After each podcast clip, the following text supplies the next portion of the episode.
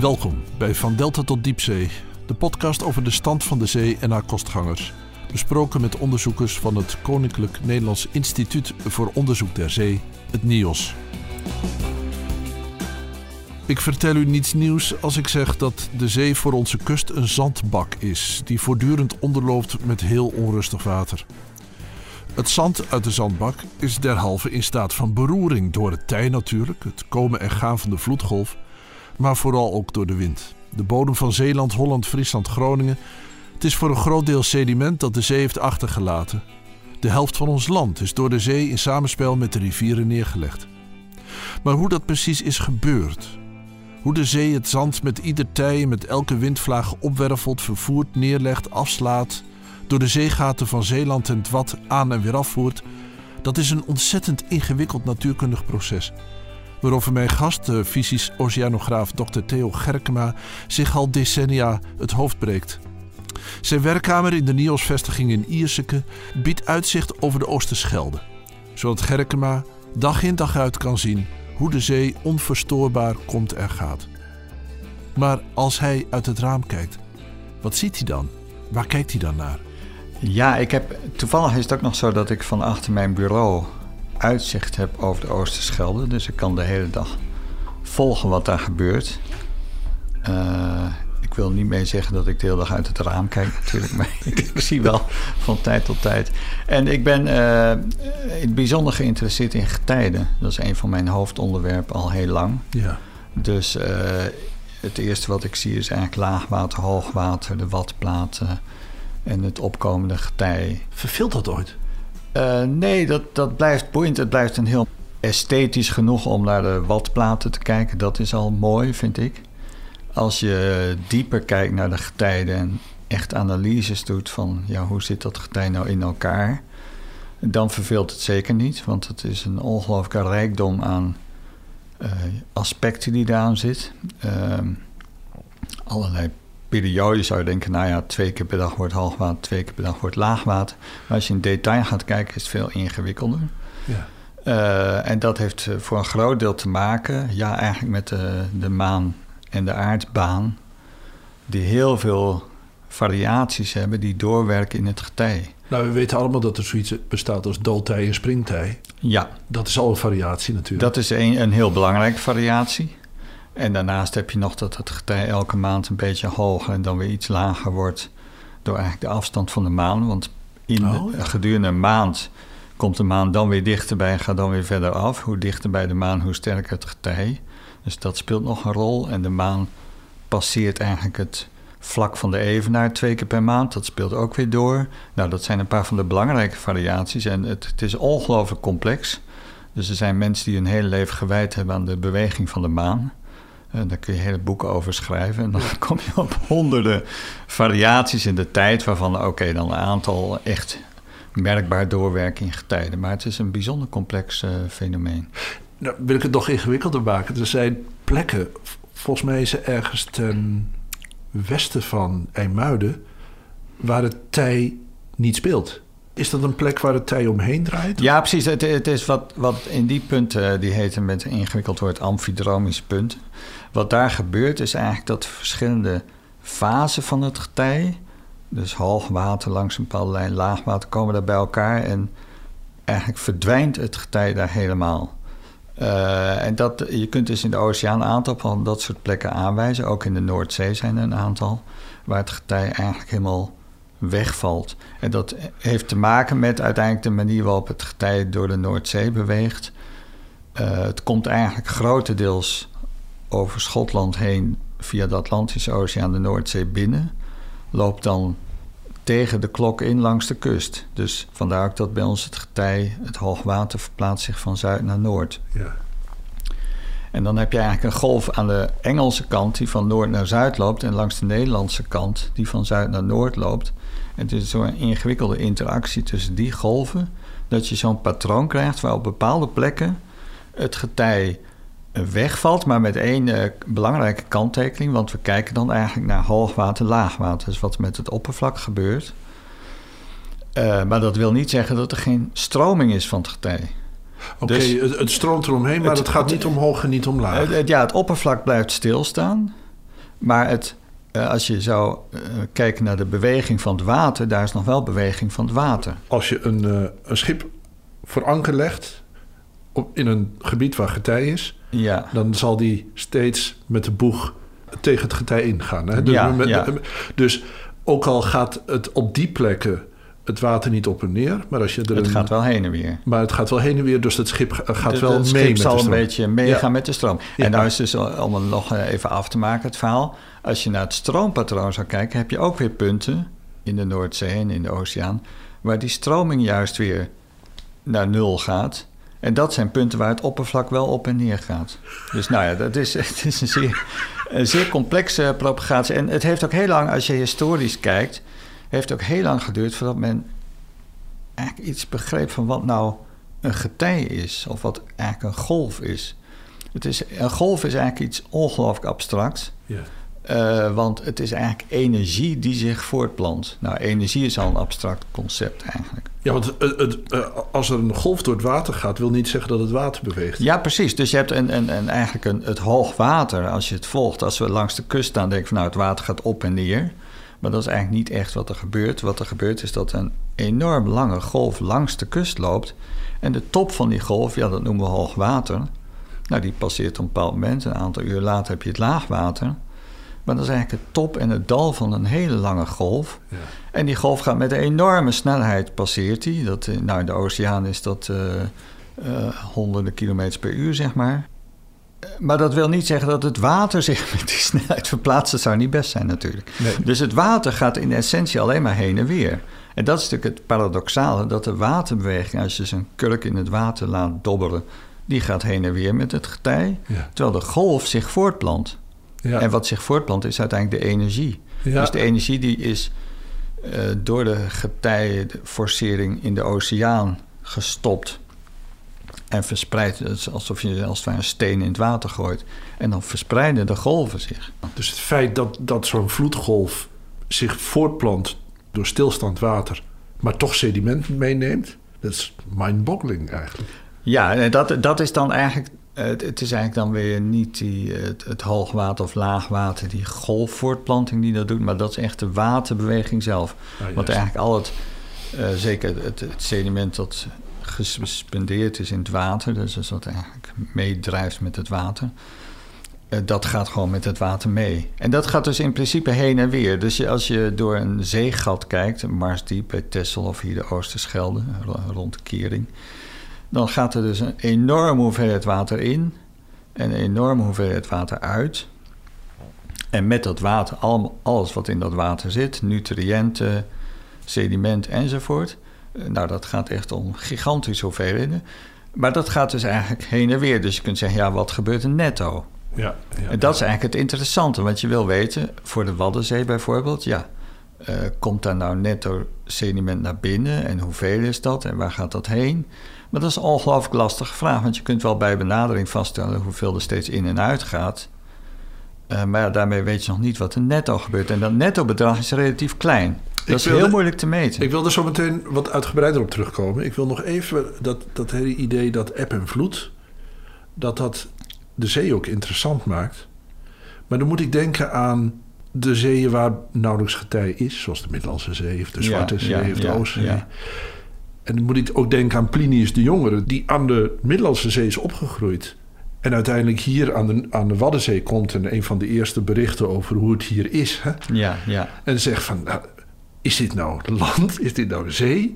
Willen Ja. mensen hier wonen? Maar dat, toen ik erover nadacht, toen, toen dacht ik... dat heeft er natuurlijk mee te maken dat die man is opgegroeid... aan een zee waar nauwelijks getij is. Ja, en men had in die klassieke oudheid een notie van het getij en ook een idee dat de zon en maan daar iets mee te maken zouden hebben.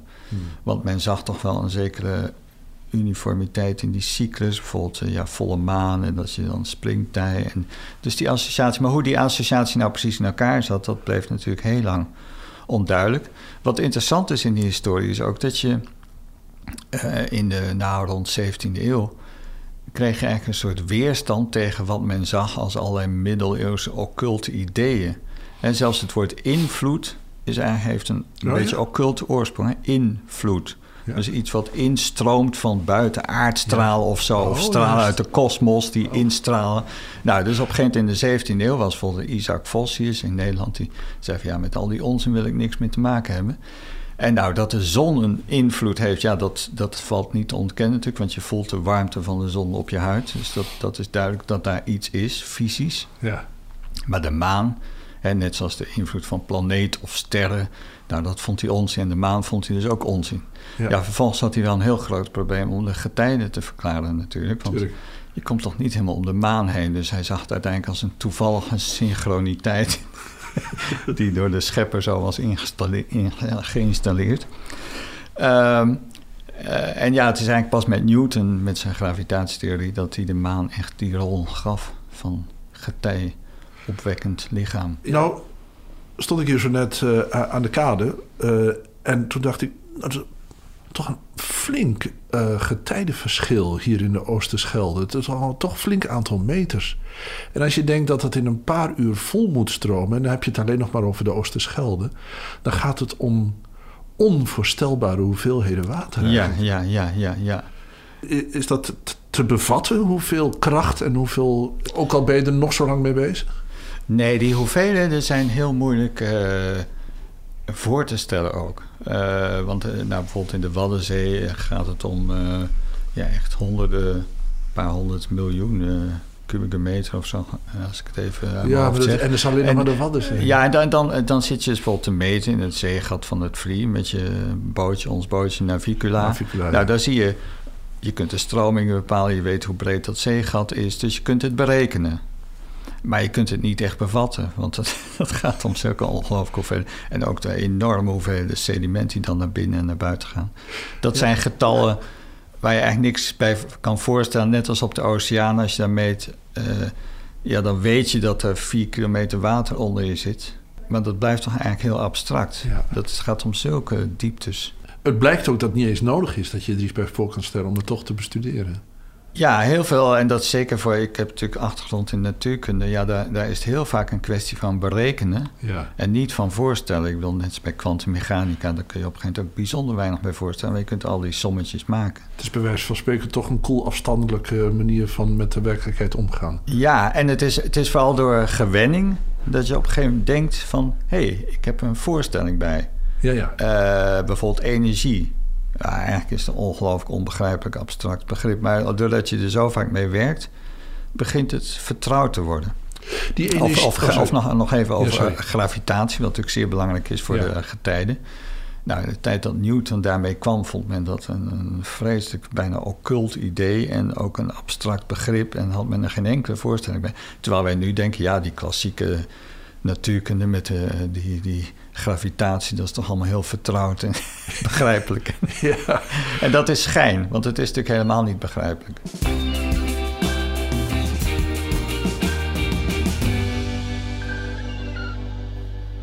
Het feit dat de getijdenstroom van zuid naar noord langs ons land gaat...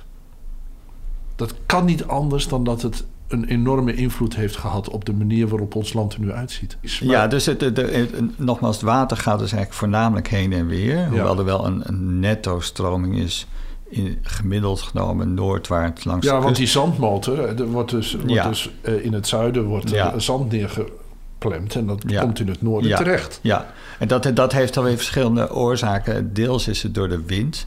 Eh, de dominant zuidwestenwind zorgt er eigenlijk voor dat de stroming die kant op is.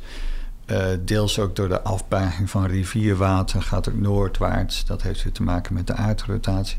En zo zijn er allerlei invloeden die eigenlijk maken dat er netto een noordwaartse stroming is. Dus er gaat eigenlijk een hele rivier van fijn sediment, eigenlijk vanuit het kanaal, eh, langs de Belgische kust, langs de Nederlandse kust, komt dan de Waddenzee tegen en gaat daar deels naar binnen, deels ook weer naar buiten. En wat er precies gebeurt, dat weten we nog niet helemaal. Nee. Want dat is een heel ingewikkelde klus om te berekenen. Dus het feit dat die, die Theems en de Rijn daar eh, eh, op de zuidkant van de Noordzee het bekken instroomt, dat heeft een effect op het, de richting waarop het sediment zich verplaatst. Ja, want eigenlijk zie je ook, de, de- als je het zoet water van de Rijn volgt, dan, dan gaat dat eigenlijk voornamelijk langs de kust noordwaarts. Ja. Ja.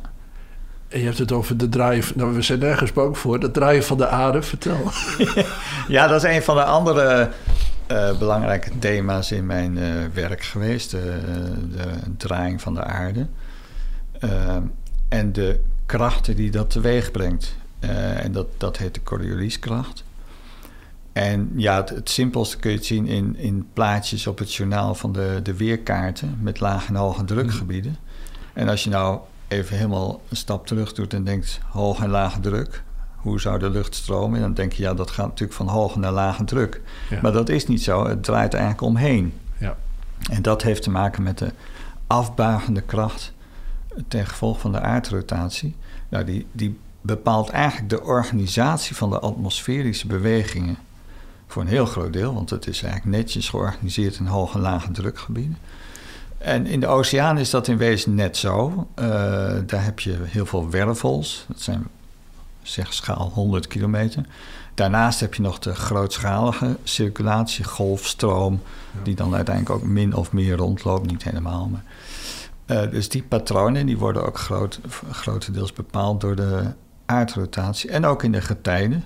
De reden waarom het, het, het hoogwater langs de Nederlandse kust van zuid naar noord gaat en niet van noord naar zuid, dat heeft te maken met de draaiing van de aarde. En zou de zon in het westen opkomen, dan zou het getij de andere kant op lopen. Ja, dus wat, je noemde het ook zo net met het, met het Rijnwater, dat het feit dat het naar het noorden afbuigt, ook met die krachten te maken hebben die gerelateerd zijn aan ja, ja, ja. Ja, dan heb je eigenlijk een beetje hetzelfde idee dat je zoetwater hebt en zoutwater. En dat geeft een, een soort drukgradient. En nou, in samenspel met die Corioliskracht eh, geeft het dan zo'n stroming. Ja. Oké, laten we het maar niet verder over. Maar waarom is het van belang om te weten waar het zoete water naartoe gaat? Want daar doe je echt veel onderzoek aan. Ook naar hoe het door de afsluitdijk. Uh, ja, het, het, in, in, dat is een. kijk, je zou kunnen zeggen: bij de, bij de Rijn is het niet zo spannend, omdat grosso modo een bepaalde kant uit gaat. Bij de Waddenzee is het veel ingewikkelder, omdat je de sluizen hebt, Den Oever en Kornwerderzand. Uh, maar in die bekkens is de stroming enorm variabel en dat heeft vooral te maken met de wind. Dus uh, men is heel lang bezig geweest, nou waar gaat nou het water van Den Oever en waar gaat het water van Kornwerderzand heen? Nou, het water van Den Oever gaat voornamelijk via Marsdiep naar buiten, uiteindelijk. Maar de, de, wat mij vooral interesseert is de variabiliteit. Dus je zou denken, ja, het getij dat is een zich min of meer herhalend fenomeen. Dus ja, het gaat in en uit en het varieert een beetje, maar oké. Elke dag is toch min of meer hetzelfde, zou je denken. Ja. Maar wat de enorme variatie geeft, en, is de wind. En uh, we hebben weliswaar hoofdzakelijk winden uit het zuidwesten, maar als je nou, van dag tot dag ervaren we allemaal dat de wind dan is uit de een dan van de andere kant waait. Maar zelfs als je jaar gemiddeld kijkt, zijn er enorme verschillen in windklimaat in Nederland. Dus er zijn jaren waarin de oostenwinden eigenlijk belangrijker zijn dan de zuidwestenwinden.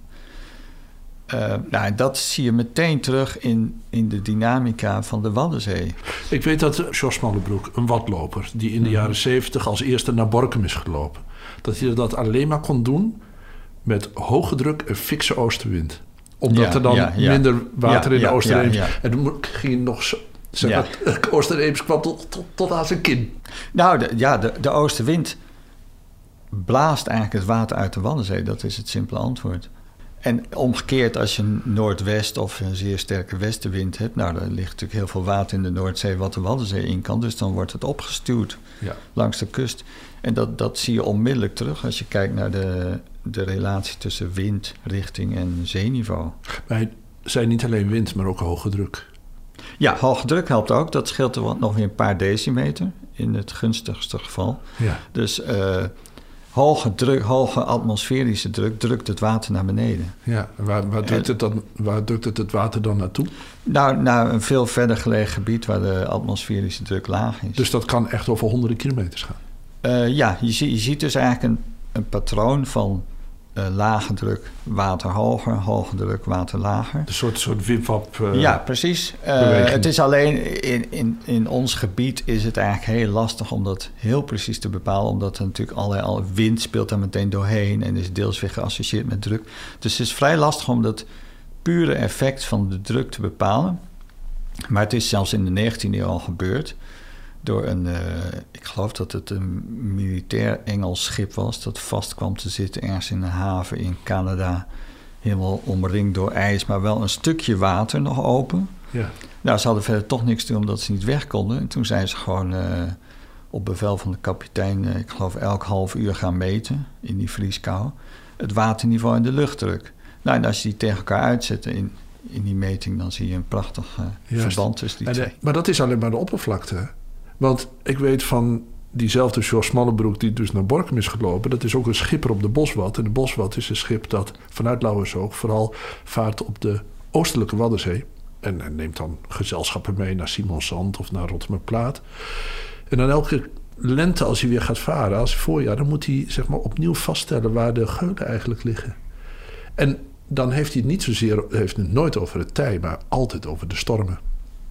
Ja, de, de stormen zijn eigenlijk de, de factoren die in heel korte tijd het systeem heel sterk kunnen veranderen. Dus kunnen voor hele grote sedimentverplaatsingen zorgen. En uh, dat is ook meteen het lastige waar je tegenaan loopt als je probeert te meten. Ten eerste is meten tijdens een storm al niet zo eenvoudig. Zeker niet als je op een klein bootje zit. Nee. Uh, vaak is het zelfs onmogelijk. maar dat zijn wel de, de episoden waarin veel gebeurt. En dat maakt het dan meteen lastig. Je kunt dus op een willekeurige dag in het jaar gaan meten. En denk je van nou, we krijgen een aardig beeld van wat er gebeurt. Maar dat is dan een vrij rustige dag. En het kan best zijn dat het hele jaar gemiddelde eigenlijk bepaald wordt door een paar stormen. Ja. Die je dan weer niet goed gemeten hebt. En dat is uh, het, ja, het soort episodische karakter ervan. Dat het, dat het niet een gestage verandering is, maar dat er vrij plotselinge veranderingen zijn. Maar je kan er in ieder geval wel uit uh, opmaken dat de wind een hele bepalende factor is. Ook niet alleen bij de oppervlakte, dat het golft en uh, dat het hoger Ja, staat ja, of lager ja. staat. Of helemaal mooi wind tegen tij, dat het echt helemaal heel, heel hoog opgaat. Maar dat op de bodem, dat, eh, dat het gevolg daarvan tot op de bodem... Natuurlijk is het ondiepe zee, maar toch dat hele geulen kunnen verplaatsen. Ja. Ja, ik denk dat de geulen eh, niet per se door één storm verplaatst worden. Dus meer dat er van platen heel veel sediment wordt weggeslagen in een storm. Net zoals we op het strand zien natuurlijk. Na een storm is er heel veel zand weg, vaak. Eh, en de gulverplaatsing zal denk ik iets, eh, iets gestager gaan. Maar daar zit ook een, een eigen dynamiek in. Je ziet in die zeegaten zit een soort periodiciteit ook vaak. Dat die geulen een bepaalde kant op gaan en dan zijn ze helemaal tegen de kust gedrukt. Dan komt er weer een nieuwe geul. En eh, zo, dat is Ja. voortdurend in beweging. Dus het is niet een, statisch systeem. Het is, die dynamica is een wezenlijk onderdeel van het systeem. Het is, het is nooit een soort vaste evenwicht of een, een soort statische situatie. De, de beweging, de voortdurende beweging door getijden en dynamiek, dat, dat is een essentieel onderdeel. Kan je zo'n gul tegenhouden? Want ik weet, eh, ik ben vertrouwd met het vlie en de stortenbelk. Dus je kent, onge- Mhm. ongetwijfeld die punt van Vlieland. Ja, Die steeds verder is afgeslagen. Dat die, nou, die gulden komt er als de, de veerboot gaat er echt vlak langs. ja, ja. En er is ook gewoon een paar basaltblokken tegen de, tegen de, dij- Ja, tegen de duinen aange... Maar is er kijk op dat je dat tegen kan houden? Dat je kan zeggen, gul tot hier en niet verder? Ja, dat is ook bij Texel bijvoorbeeld. De Tesselstroom die gaat ook vrij langs, dicht langs de kust. Eh, en ja, er zijn we allerlei maatregelen genomen, allerlei harde maatregelen, dingen opgestort om het eh, in, in toom te houden. En dat eh, lukt tot op zekere hoogte wel, denk ik, op de meeste plekken. Ja. Dus je kunt dat, maar het, het heeft iets. eh, ja, het is natuurlijk omdat we, omdat, omdat we het bewonen en we, we willen niet toestaan dat de hele stukken eilanden verdwijnen. Nee. Maar het is in feite onnatuurlijk, want de natuurlijke gang van zaken zou zijn dat die gul zich gewoon kan verplaatsen en uiteindelijk. Ja, en dat, vind ik altijd zo interessant. Dat je aan gene zijde van de dijk... Hè, we, zijn nu op het vasteland, maar als je de dijk overgaat... dat, daar dus, dat je daar eh, van, een soort andere logica uitgaat. Zoals je nou ook zegt. Van, eh, ja, eigenlijk is dat de natuurlijke gang van zaken. Hè. Bij de, rond die Waddeneilanden moet het eigenlijk zo'n beetje... niet al te zeer ingrijpen. Maar dat zou je nooit zeggen over deze kant van de dijk. Het is net alsof er twee soorten Nederland zijn met twee soorten logica. Ja, een soort vastland en een. eh, ja, bij, in- op het vasteland heb je het wel bij rivieren natuurlijk. Oh ja, ja, en dat is ook eh, het Ruimte idee voor van rivieren. Ja, Ja. ruimte voor rivieren. Dus om toch iets meer ruimte te geven aan dynamica, die die op zichzelf ook niet per se kwalijk hoeft te zijn. Zoals ik zei, sommige geulen hebben een soort uh, slingerend gedrag. Dus die, die gaan niet steeds verder het land in, maar gaan op een gegeven moment ook weer terug. Dus ja, ja je kunt natuurlijk met harde maatregelen proberen tegen te houden. Je kunt ook denken, ja, we moeten toch iets meer ruimte creëren. En ja, als je helemaal naar de geschiedenis van Nederland kijkt, dan is het natuurlijk een interessant punt dat we uh, goed zijn in dijken bouwen.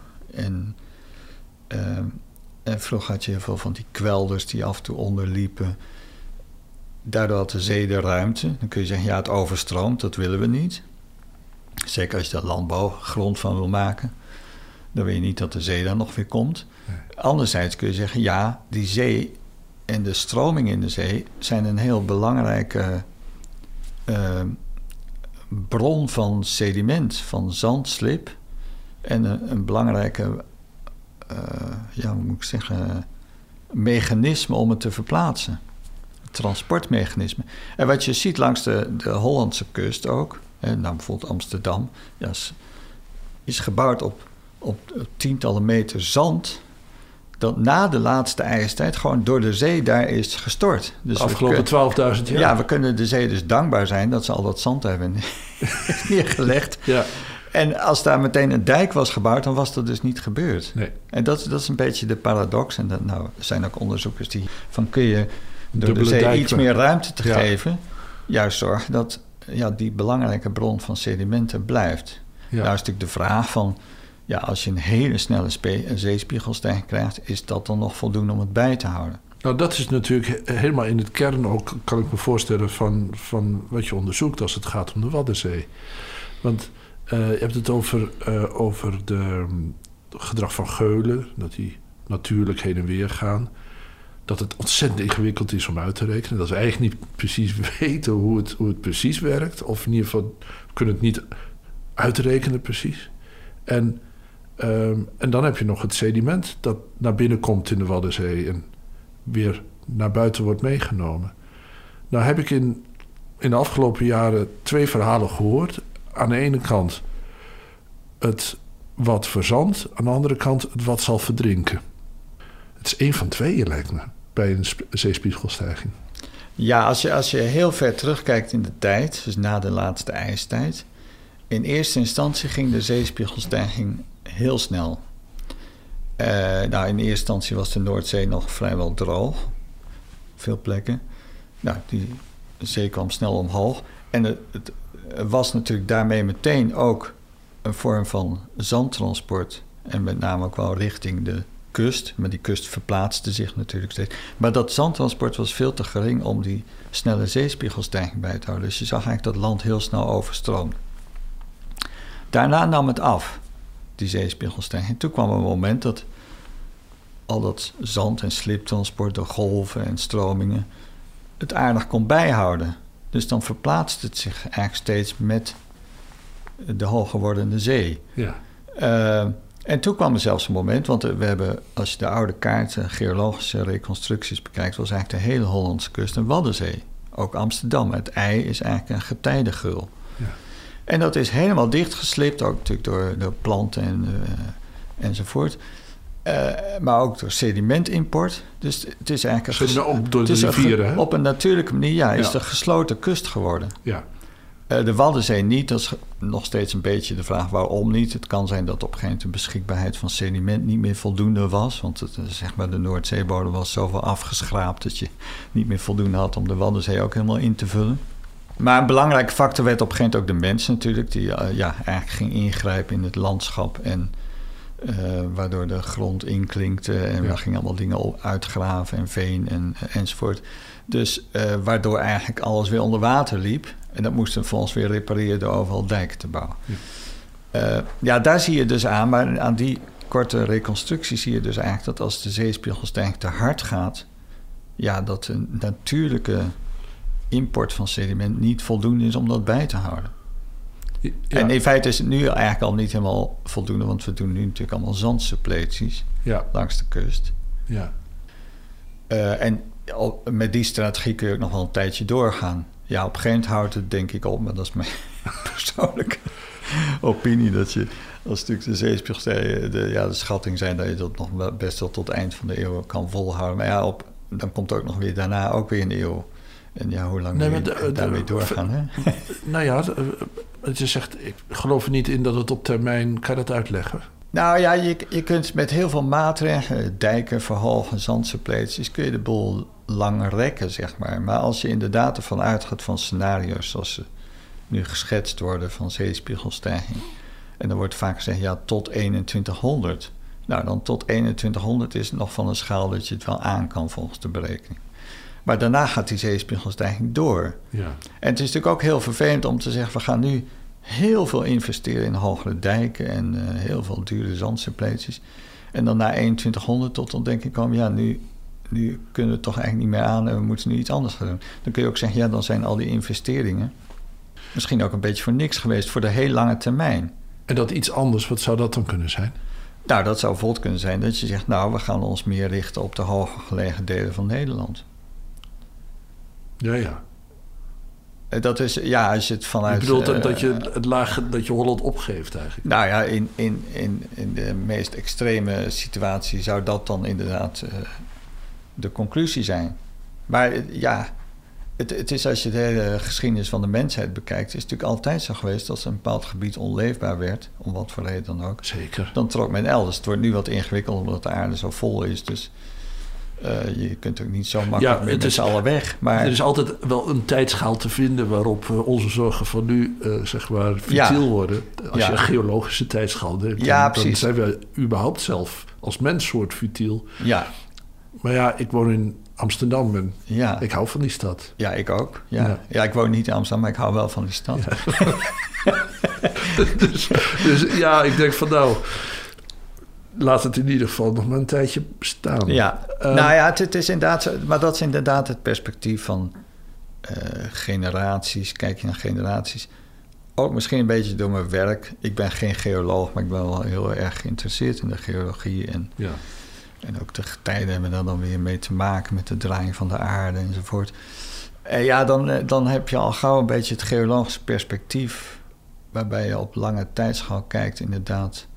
Ja, uh, of überhaupt zelfs de mensheid ziet als een passerende soort. Wat ik ook helemaal niet leuk vind als ik er zelf over nadenk... dat alles wat wij doen, dat dat op een gegeven moment verdwijnt... en alle mooie dingen die we doen enzovoort. Ja. Maar goed, ja, het is wel een, bepaald soort... Uh, ja, nuchterheid misschien die daarbij komt. Uh, en, en het hoeft ook niet per se dramatisch te zijn. Ik denk als je, als je tijdig begint dan kun je het ja, heel geleidelijk doen. Dan hoeft het niet zo schokkend te zijn. Als je het nu ziet, bijvoorbeeld, dat heeft ook andere oorzaken, natuurlijk, dat grondwaterbeheer en zo in Jakarta, maar dat men zegt, ja, we gaan de hele hoofdstad stad verplaatsen. Ja. Dat is natuurlijk nogal draconisch. Ja, maar uh, op zo'n afstand denk je van, ja, logisch. Ja, het is heel logisch. Als het maar niet je eigen stad is. Ja, ja, ja, ja, Nee, natuurlijk. Ik, het zou heel zonde zijn als dat allemaal uh, onder water liep. Daar ben ik het helemaal mee eens.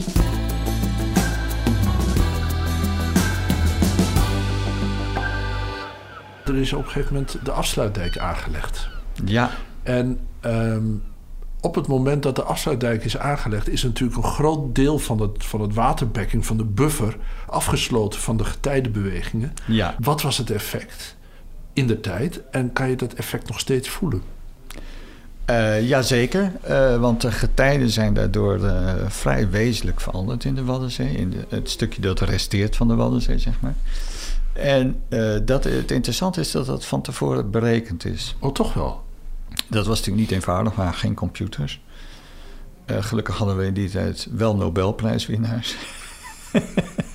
Waaronder Lorentz, ja. de fysicus. En die werd aangesteld uh, als voorzitter van een commissie. Die moest gaan uitrekenen wat nou de invloed zou zijn van die afsluiting. Ja. op de getijden, maar ook op de stormvloeden. Uh, en dat heeft hij gedaan. Hij was natuurlijk heel uh, slim. En zijn voorspelling was dat het getij sterker zou worden in de Waddenzee. Is en dat, dat is gebeurd? ook uit. Dat is ja. ook gebeurd. En hoe kan dat dan? En dat kan omdat... Uh, het is in feite een beetje zoals je een golf kan opwekken in je badkuip. Dat is zo met een bepaalde frequentie hand beweegt. Dan kun je ineens hele sterke golven krijgen, resonantie. En die resonantie hangt ja, af van je frequentie, maar die frequentie ligt in dit geval vast, want het getij is gewoon twee maal per dag, dus Ja. daar verander je niks aan. Maar wel de lengte van je bad, zeg maar. Oh ja. En doordat het, de Waddenzee, dat bekken kleiner werd, kwam je dichter bij resonantie te zitten. Oh, en daardoor is het getij sterker geworden in de Waddenzee. Wat op het eerste gezicht paradoxaal is, want je zou denken, ja, hoe kleiner dat bassin, hoe kleiner het getij. Maar zo is het niet per se. Nee, want, het hangt van de golfkarakteristiek in dat bassin af. daardoor verandert de Waddenzee natuurlijk. Ja, bepaalde geulen hebben min of meer hun functie verloren. Dus je ziet ook dat de geulen richting de afsluitdijk ja, deels vol zijn gelopen met sediment. Ja. Dat is mogelijk nog steeds aan de gang. Dat is, dat is niet helemaal duidelijk, geloof ik. Maar dat, eh, eh, dat die aanpassing duurt heel lang. En de ge- getijverandering is natuurlijk tamelijk permanent. Ja. Is het zo, de, eh, het feit dat er nou tussen Ameland en dus tussen uh, Holm en voortdurend gebaggerd moet worden om überhaupt aan een schip te laten varen. Waar heeft dat mee te maken? Eh, is dat gewoon een verkeerde route? Of is het ook een ontwikkeling die te maken heeft met het stijgen van de, van de zee? Of nog een heel lang uitgesteld effect van de afsluitdijk? Eh, ja, nou ik denk de, de zeespiegelstijging is over de afgelopen eeuw eh, enkele decimeters. Dat, dat zal niet het grote verschil maken, denk ik. Ik denk op die plek zal de afsluitdijk ook minder zijn van effect dan op het westelijk deel van de Waddenzee. Maar het, het is, ook dat is weer voor een deel gewoon een natuurlijke dynamica. En eh, we hebben natuurlijk in de, de Westerschelde, ook in de Eems zie je die problemen. Dat je met schepen doorheen wil, dat er gebaggerd moet worden. Ja. Maar het heeft niet zozeer te maken met dat die geulen nou zo verschrikkelijk ondiep zijn. Maar het heeft ook te maken met dat die schepen steeds groter worden. En bij Marsdiep is dat geen probleem. Marsdiep is 50 meter diep, dus daar hoef je niet te baggeren als je een grotere veerboot neemt. Maar eh, ja, die, eh, de geulen, als je met een klein bootje zou gaan, is nog steeds geen probleem. Nee. Eh, het is natuurlijk ook vaak zo dat je met het baggeren, het sediment, ja, je gaat het ook niet eh, 100 kilometer ver wegbrengen, want dat is veel te duur met die baggerschepen. Dus het wordt weer, ook weer ergens gestort. Niet heel ver van de plek waar het eruit gehaald is. Ah ja, en dan... En dan kan het ook weer heel snel teruggaan. Dus we hebben in een project gekeken bij Harlingen, waar je natuurlijk ook zo'n eh, baggerbezwaar hebt, dus er moet ook gebaggerd worden. Hebben we gekeken, hè, zijn er misschien alternatieve verspreidingslocaties, stortlocaties van dat, voor dat slip, om te zorgen dat het niet makkelijk weer terugkomt en dat er misschien zelfs een kant uit gaat die, we, die gunstig zou zijn. Dat het richting een kwelder gaat, dat je kweldergroei krijgt. Want die, die, die toegang Gul naar Harlingen, daar ligt een hele lange strek dan. Ja, ja. Eh, dus, en die staat met vloed wel onder water. Met Ja. eh, staat die boven Ja, water. ja. Maar dat heeft natuurlijk ook een effect. Ik moet, ik moet ook denken aan de Dam van Ameland... waar ze daar geprobeerd hebben. Over het wandtij zo'n... En dan vanuit het idee, nou, dat, dat, dat gaat het slip wel tegenaan... en dan komt het vanzelf als een rijzend brood... komt de bodem omhoog uit de zee. ja, ja, Eh, ja. Maar dat is dus toch allemaal buiten de waard gerekend. Is het nou zo dat het, dat het toen mislukt omdat ze nog niet wisten hoe het zat? Ik bedoel, als, je, als jij die dam naar Ameland zou aanleggen, dan zou je wel weten hoe het zou moeten. Nou, dat, dat, dat zou ik zeker niet willen pretenderen, want het is eh, heel erg onvoorspelbaar. Se- sediment, we hebben natuurlijk modellen om te kijken wat er met sediment gebeurt. Ja. Maar sedimenttransport is een veel ingewikkelder probleem dan waterbeweging. Wat maakt het zo ingewikkeld? Eh, het maakt het ingewikkeld omdat enerzijds heb je te maken met erosie van de bodem. Het zit op de bodem, het komt los van de bodem of het wordt verplaatst. Eh, fijn sediment dat dwarrelt weer neer naar de bodem. Nou, dat zijn al processen die ingewikkeld zijn, want dat fijne sediment kan samenballen, noemen we flocculatie. Dat verandert dan weer hoe het naar de bodem valt. Dus dat, dat zijn ongelooflijk ingewikkelde processen. Daarnaast heb je nog allerlei meer biologische aspecten van de bodem. Die maken dat het sediment ofwel juist makkelijker loskomt... of juist meer vastgeplakt zit aan de bodem. Dat hangt dan weer van de seizoenen af. Dus het is een, een, een, een fysisch, biologisch, ongelooflijk complex fenomeen... om die erosie, sedimentatie, maar ook het transport van sediment... om dat goed te krijgen. Het is men doet enorm zijn best natuurlijk in de modellen om dat allemaal goed in te krijgen, al die aspecten. Ja. Maar is, is het denkbaar dat je een, een natuurkundig model maakt van de Nederlandse Waddenzee of een deel van de Waddenzee, waar je de verschillende variabelen kan invoeren van wind en tij en dat er dan een voorspelling uitrolt? Of is dat eigenlijk. Um... Er rolt altijd een voorspelling ja, uit. Ja, maar die, die klopt. of is dat eigenlijk, nou, dat, dat, dat, gaat, dat gaan we gewoon niet. Dat gaat nou, ik denk, ik denk wel, er zit wel voortgang in. Het is, uh, en ik denk met de huidige modellen, bijvoorbeeld de waterbeweging, klopt al heel erg goed. Dus als je de getijden door het marsdiep van water, nou, dat kunnen we met modellen echt heel aardig in beeld brengen. Ja. Uh, ja, sedimenttransport, ook wat ik zei, van het, het zijn soms die kleine netto-verschillen die het maken. Dus ik denk dat je met een model best een aardige inschatting zou kunnen krijgen van hoeveel gaat er nou met eb en vloed door Mars diep heen. Maar dan weet je nog niet veel, want je wil weten wat er netto gebeurt. En dat is een heel ja. klein effect. Dus dan gaan foutjes in je berekeningen, die voor dat bruto-transport niet belangrijk zijn, zijn voor het netto-transport wel belangrijk. Ja. Daarbij nog een ander heel belangrijk aspect. Je model kan helemaal fantastisch in elkaar zitten met alle uh, ja, zeg maar modules voor erosie, sedimentatie. Maar uiteindelijk heeft je model een rand. je wil de Waddenzee modelleren, dan heb je dus een rand in de Noordzee. Dus je moet aan dat model gaan vertellen wat gebeurt er aan die rand. Dus je moet vertellen wat gebeurt er langs de Noord-Hollandse kust, hoeveel sediment komt daar binnen. Ja, en als je dat dus niet goed weet, ja. dan gaat alles wat er voor ons in dat model gebeurt, dat komt ook niet goed. Ja. En daar zit een heel groot probleem, want we weten niet heel goed. We hebben wel metingen gedaan, we proberen het allemaal te achterhalen. Maar hoe, hoeveel is dat nou precies, die hoeveelheid sediment langs de Hollandse kust? Ja. ja. Nou ja, als je, als je daar dan onzekerheid hebt, dan gaat die onzekerheid door het hele model meespelen. Heeft het niet ook iets leuks dat er altijd iets is aan dit geliefde studieobject dat je aandacht zal ontsnappen. Dat die toch altijd een beetje grillig en onvoorspelbaar zal blijven. Kijk, voor wetenschap is het heel leuk als je iets niet begrijpt, want dan kun je het gaan onderzoeken. Ja. Het wordt natuurlijk iets lastiger als je concrete voorspellingen moet gaan doen. Ik noem wat voor Rijkswaterstaat, die wil weten, nou we gaan daar iets doen. Wat is het effect? Ja, dan wil je toch wel met een zo goed mogelijk antwoord komen. Uh, dat is een beetje het verschil met een, een puur wetenschappelijke insteek, zou ik ja. zeggen. Dan ja. denk ik van, nou leuk dat we het nog niet begrijpen. Dan gaan we het uitzoeken. Ja, maar je werkt, neem ik aan, liever als pure wetenschapper dan in opdracht? Nou, ik, ik vind beide aspecten interessant. Ik noemde net al heel eventjes dat, uh, dat project bij de Harlingen van de alternatieve stortlocatie. Dat was natuurlijk ook had een heel praktische inslag ook. En daar zijn we als Niels bij betrokken geweest, hebben we Ja. metingen gedaan. En dan wel iets meer de, de, de wetenschappelijke kant, maar het had natuurlijk wel heel praktische implicaties voor, ja, werkt zoiets? En nou, wat we vonden is dat het in principe, in principe wel kan werken, inderdaad. Maar ook weer dat het ingewikkeld is, want we gingen ervan uit van, nou, we hebben die, haven, je hebt daar een gultje langs, dat gaat richting een kwelder. Dat is ons systeem dat we gaan bekijken. Vervolgens gingen we modelberekeningen doen. Dan zie je eigenlijk dat dat sediment dat je ergens stort in dat gultje...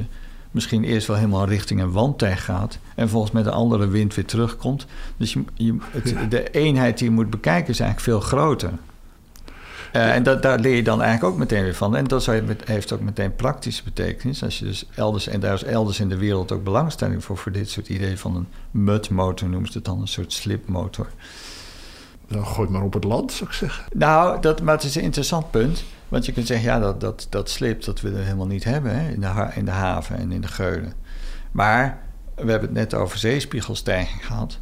Dan is het toch wel ontzettend fijn dat er wat slipimport naar de Waddenzee is. Dus dan willen we het helemaal niet op het land hebben. Dan willen we het juist in de zee hebben. Ja. Als we willen dat die watplaten meegroeien. Met de kennis die je hebt over het wat en over sedimentverplaatsing en wind, uh, maak je je zorgen? Um, ja, goede vraag. Ik.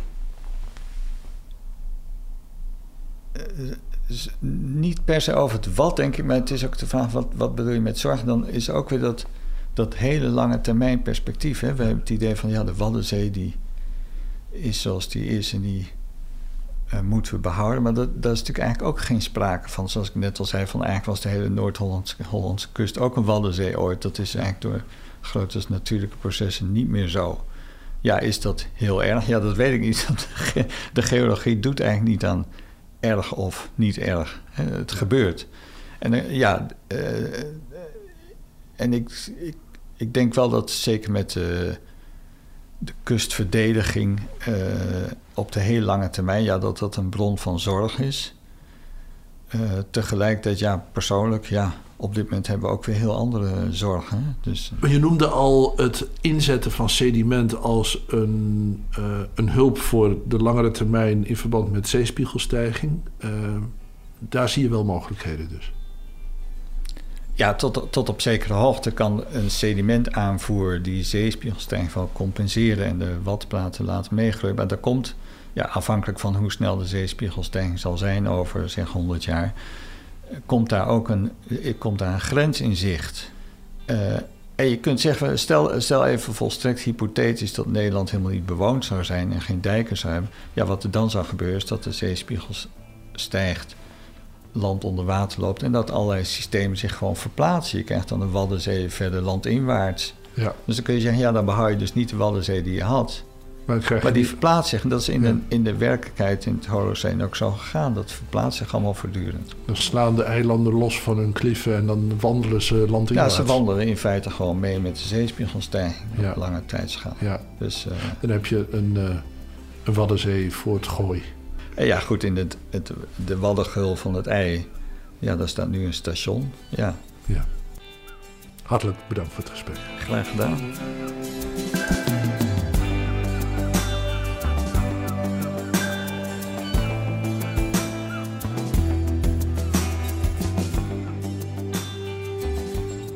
Dit was Van Delta tot Diepzee, een podcast over de stand van de zee en haar kostgangers. Met onderzoekers van het Koninklijk Nederlands Instituut voor Onderzoek der Zee, het NIOS. Deze keer was dat fysisch oceanograaf Dr. Theo Gerkema in gesprek met Matthijs Deen. De muziek is gemaakt door Matthijs Duringhoff. Abonneert u zich, dan ontvangt u iedere maand een nieuwe aflevering van Van Delta tot Diepzee.